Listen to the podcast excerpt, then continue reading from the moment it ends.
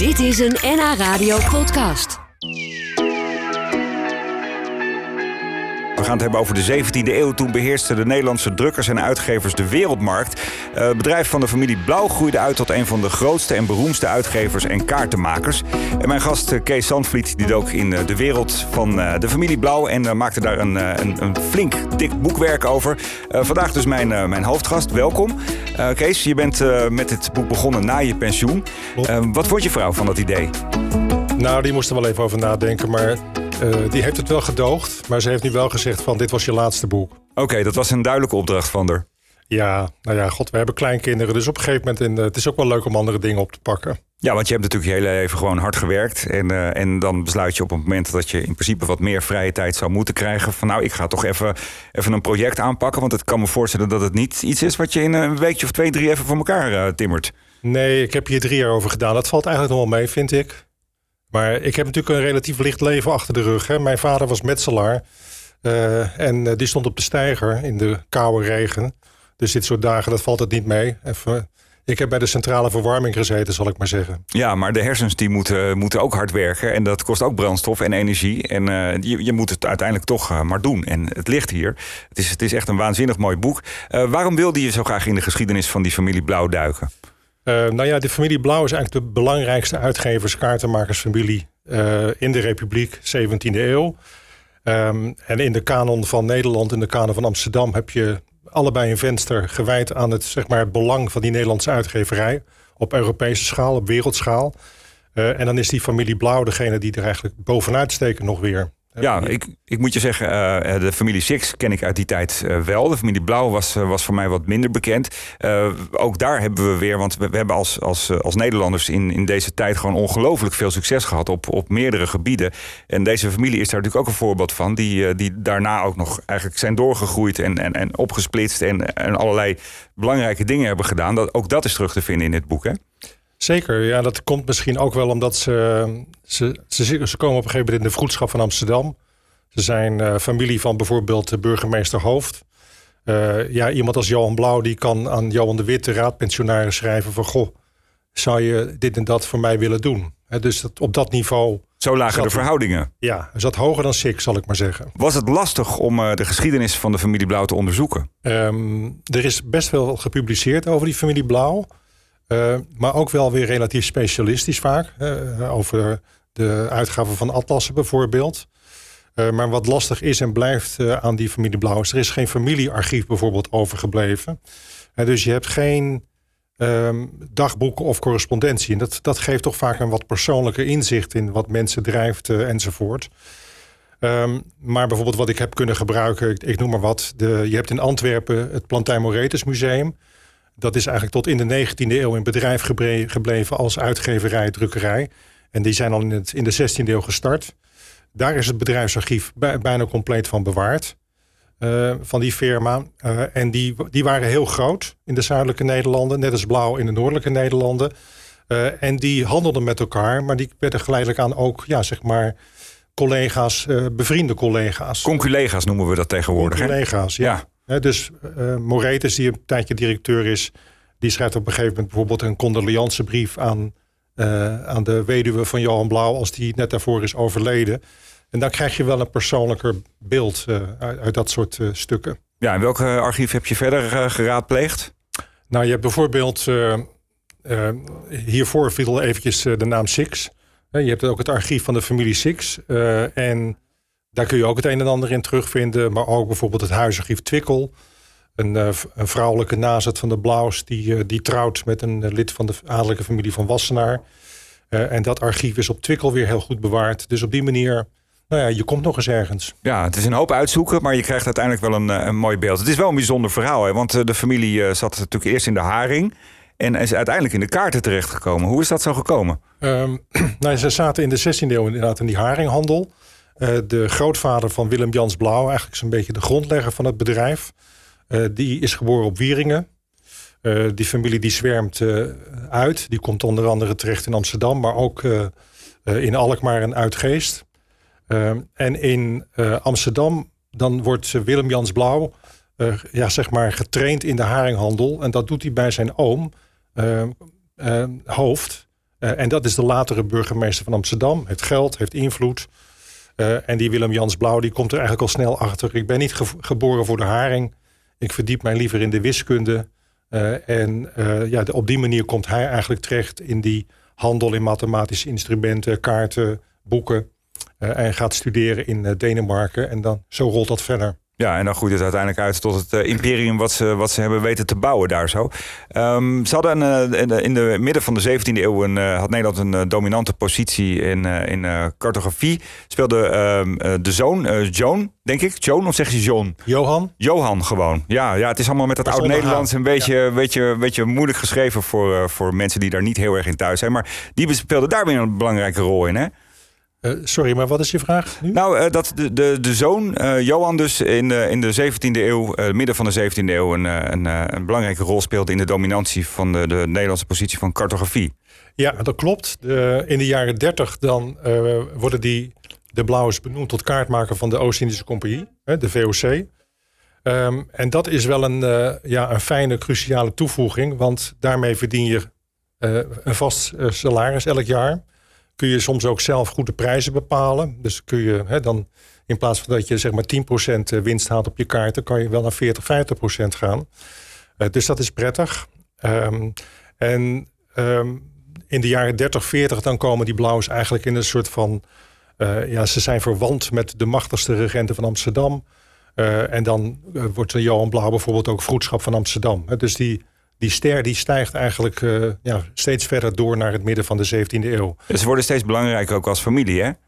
Ja, belangrijker als familie. Ze worden vroedschap, ze worden schepen in Amsterdam. Uh, zitten in het bestuur van, uh, van de schutterij, dus bijvoorbeeld. universitair opgeleid, reizen naar Italië heen en weer. en in combinatie zeg maar, met, het, met het drukwerk wat ze al doen uh, geeft ze dat eigenlijk ook de financiële mogelijkheden om ja, luxe uh, uitgaven te gaan maken. Omdat ze eigenlijk steeds meer kapitaal en relaties hebben. Ja, en dat is, daar zit natuurlijk, eh, de marge is daar natuurlijk nog groter op. En dan kan je nog meer verdienen en nog rijker worden. Uh, maar ze speelt dus ook een, een belangrijke maatschappelijke rol. Ja, hè, dus uh, Johan Blauw is bijvoorbeeld ook betrokken bij die uh, stadsuitleg van Amsterdam in de jaren 50, 60. Uh, dan moeten er nieuwe vestingwerken ontworpen worden. En die, het ontwerpen van de vestingwerken heeft weer invloed op uh, de percelering van de stad. Dus de, de, aanleg van de grachten. Dus als je in dat soort posities zit, ja, dan, dan, trek, je, dan trek je aan allerlei touwtjes. en ja, dan heb je ook veel gemakkelijker contact met politici in binnen- en buitenland. Vorsten in binnen- en buitenland, maar ook schilders, ingenieurs enzovoort. Als je, als je er zo, eh, als je naar jou luistert zo, dan denk je, waarom was dit boek er nog niet veel eerder? Waarom, eh, want want jij, bent, jij bent dit gaan verzamelen, dit, dit gaan maken. Uh, maar het is een familie die ontzettend belangrijk is geweest, dus uiteindelijk voor Nederland. Ja, maar ja, dat is. Uh, kijk, bijvoorbeeld hè, de schilders van de 17e eeuw, die herinneren we ons nu als eigenlijk als cruciale culturele figuren. Uh, dat heeft er voor een deel misschien ook wel domweg mee te maken dat olieverf beter houdbaar is dan, uh, dan potlood en papier. Ja. Uh, dat zie je in de musea hangen. de wandkaarten van Blauw bijvoorbeeld, die hingen ook aan de muur. Maar als je 200 jaar een papieren wandkaart aan de muur hangt, dan en je zit daaronder te roken en te stoken. Dan blijft er weinig van over. Dan blijft er weinig van over. Um, het meest luxueuze boek dat ze ooit uit hebben gegeven, dat was uh, de Atlas Major. Bestond uit 9 tot 11 delen. Uh, en daar moest je volgens mij wel een beetje geld voor hebben. Want wie kocht dat eigenlijk? Nou ja, dat is de elite van die tijd die dat koopt. Um, en dat, uh, ja, als je, als je vorst was in een van de Duitse staatjes, dan kon je eigenlijk geen bibliotheek hebben zonder de Atlas Major van Blauw daarin te hebben staan. Uh, vaak ook nog weer twee globes, een hemelglobe en een aardglobe, een begin en het eind. Uh, dat was eigenlijk een soort standaard repertoire uh, geworden. Um, om je voor te stellen van hoeveel kostte nou zo'n boek.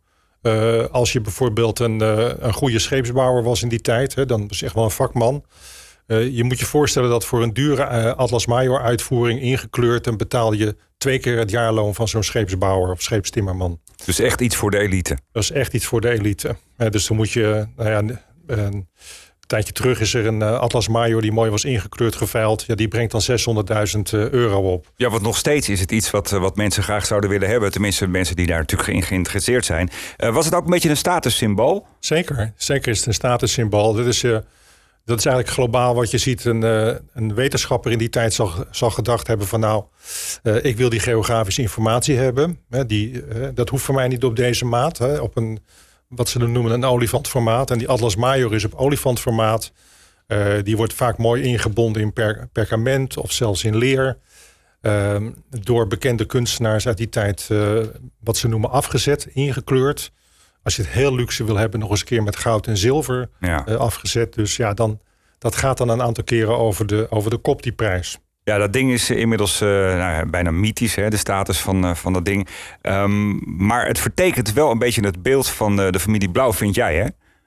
Ja, in zoverre dat je toch in de gaten moet houden dat, dat het grote geld werd eigenlijk verdiend met wat ik maar het slagersdrukwerk noem.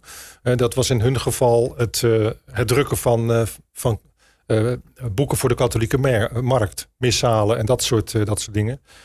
Dat, werd in, dat werd genoemd het rood en zwart. Mm -hmm. dus die missalen beginnen vaak met een in rood gestempeld of ingekleurde letter.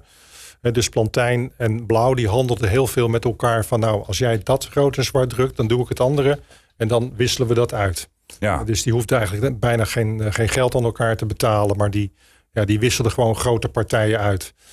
En blauw zelf, die verkocht dat direct in Amsterdam, maar je kon het ook in Frankfurt kopen. Uh, en hij verkocht het dan weer in bulk uh, aan hele grote handelaren die bijvoorbeeld op de Levant zaten of handelden op Latijns-Amerika. Nou ja, zo ging dat eigenlijk met scheepsladingen uh, in tonnen de, de wereld over. Ja, de hele wereld ging dat inderdaad over. je hebt de familie Blauw benaderd vanuit hun eigen tijd. Hè? ook aandacht dus voor de vrouwen, want die hebben er ook een belangrijke rol in gespeeld. Zeker. En dat het, het, heeft eigenlijk twee kanten wat mij betreft. Uh, omdat uh, tot voor kort uh, het ma vaak mannen zijn die de geschiedenis schrijven, krijg je toch wat vaak meer een beeld van de geschiedenis via de ogen van mannen over mannen. Uh, dat is één deel. het andere deel is dat de positie van vrouwen in dit soort markten wordt sneller onderschat. Omdat ze bijvoorbeeld niet, niet tekenbevoegd zijn. Hè. Dus voor de notaris verschijnt in feite een stroomman. Maar het feitelijke werk gebeurt door de vrouw. Uh, en zeker in uh, uitgeverij en boekhandel, dat is hersenwerk. daar konden vrouwen ja, heel goed zeg maar actief in zijn. Het is lastiger voor een vrouw om scheepstimmerman te worden dan ja. uitgever of boekhandelaar. Maar de eer kregen ze op dat moment in ieder geval niet. Omdat ze dus, wat jij zegt, niet tekenbevoegd waren. Uh, jij hebt dat in dat boek uh, rechtgezet. Dus dat is, dat is duidelijk geworden hoe dat, uh, hoe dat precies zit. Die, die positie van die vrouw daarin. Um, dan iets heel anders. wat er natuurlijk wel zijdelings mee te maken heeft. Maar de actuele discussie over de familie Blauw. Dat ze rijk zouden zijn geworden over, door de uitbuiting van andere volkeren. Doordat ze, doordat ze dus die VOC hielpen met die kaarten. daar hadden ze niet zo heel veel problemen mee, geloof ik. Nee, het, het, uh, in de beginperiode van de 17e eeuw is er, een vrij, is er ook in de, in de Republiek een vrij stevige discussie over uh, uitbuiting over zee, uh, zeg maar met militaire middelen handelen. Um, het is bijvoorbeeld uh, Koen, die is, dat is een gewelddadige gouverneur-generaal. maar Reaal, die is een vriend van Blauw, die stapt in feite terug of wordt niet herbenoemd, omdat hij tegen dat geweld is. maar je ziet eigenlijk dat uh, dat dat in, de, in een enkele decennia later is dat idee verdwenen. Men accepteert het geweld, men accepteert slavernij. Uh, en dat geldt dus ook voor de blauws. Um, daarbij moet je dus denk ik ook niet vergeten dat um, uh, dat militaire aspect dat is er, slavernij aspect dat is er. maar er is ook, hè, wat tot op de dag van vandaag in Nederland zo is, dat in handel is kennis van wie wil wat waar heel belangrijk. En dat is denk ik in, uh, in die tijd ook zo. Gewoon de kennis van waar moet je zijn voor wat.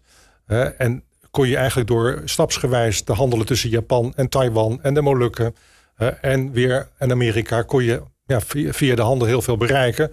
Zonder dat daar nou per se, laat ik maar zeggen, direct geweld of slavernij bij nodig is. Ja, want uiteindelijk, uh, als je het uh, zonder geweld kan regelen, waarom zou je dan geweld gebruiken? Dat lijkt me natuurlijk wel duidelijk. En we moeten natuurlijk ook niet helemaal de tijd van toen op één op één vertalen naar nu, hè, hoe we daar nu tegenaan kijken. Want onze ideeën zijn erover veranderd. Uh, ik wil jou hartelijk danken, Kees Zandvliet, voor, voor het gesprek en voor jouw mooie boek.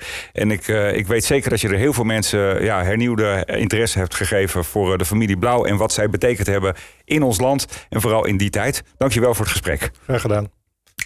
Dit was een NH Radio podcast. Voor meer, ga naar nhradio.nl. NH Radio.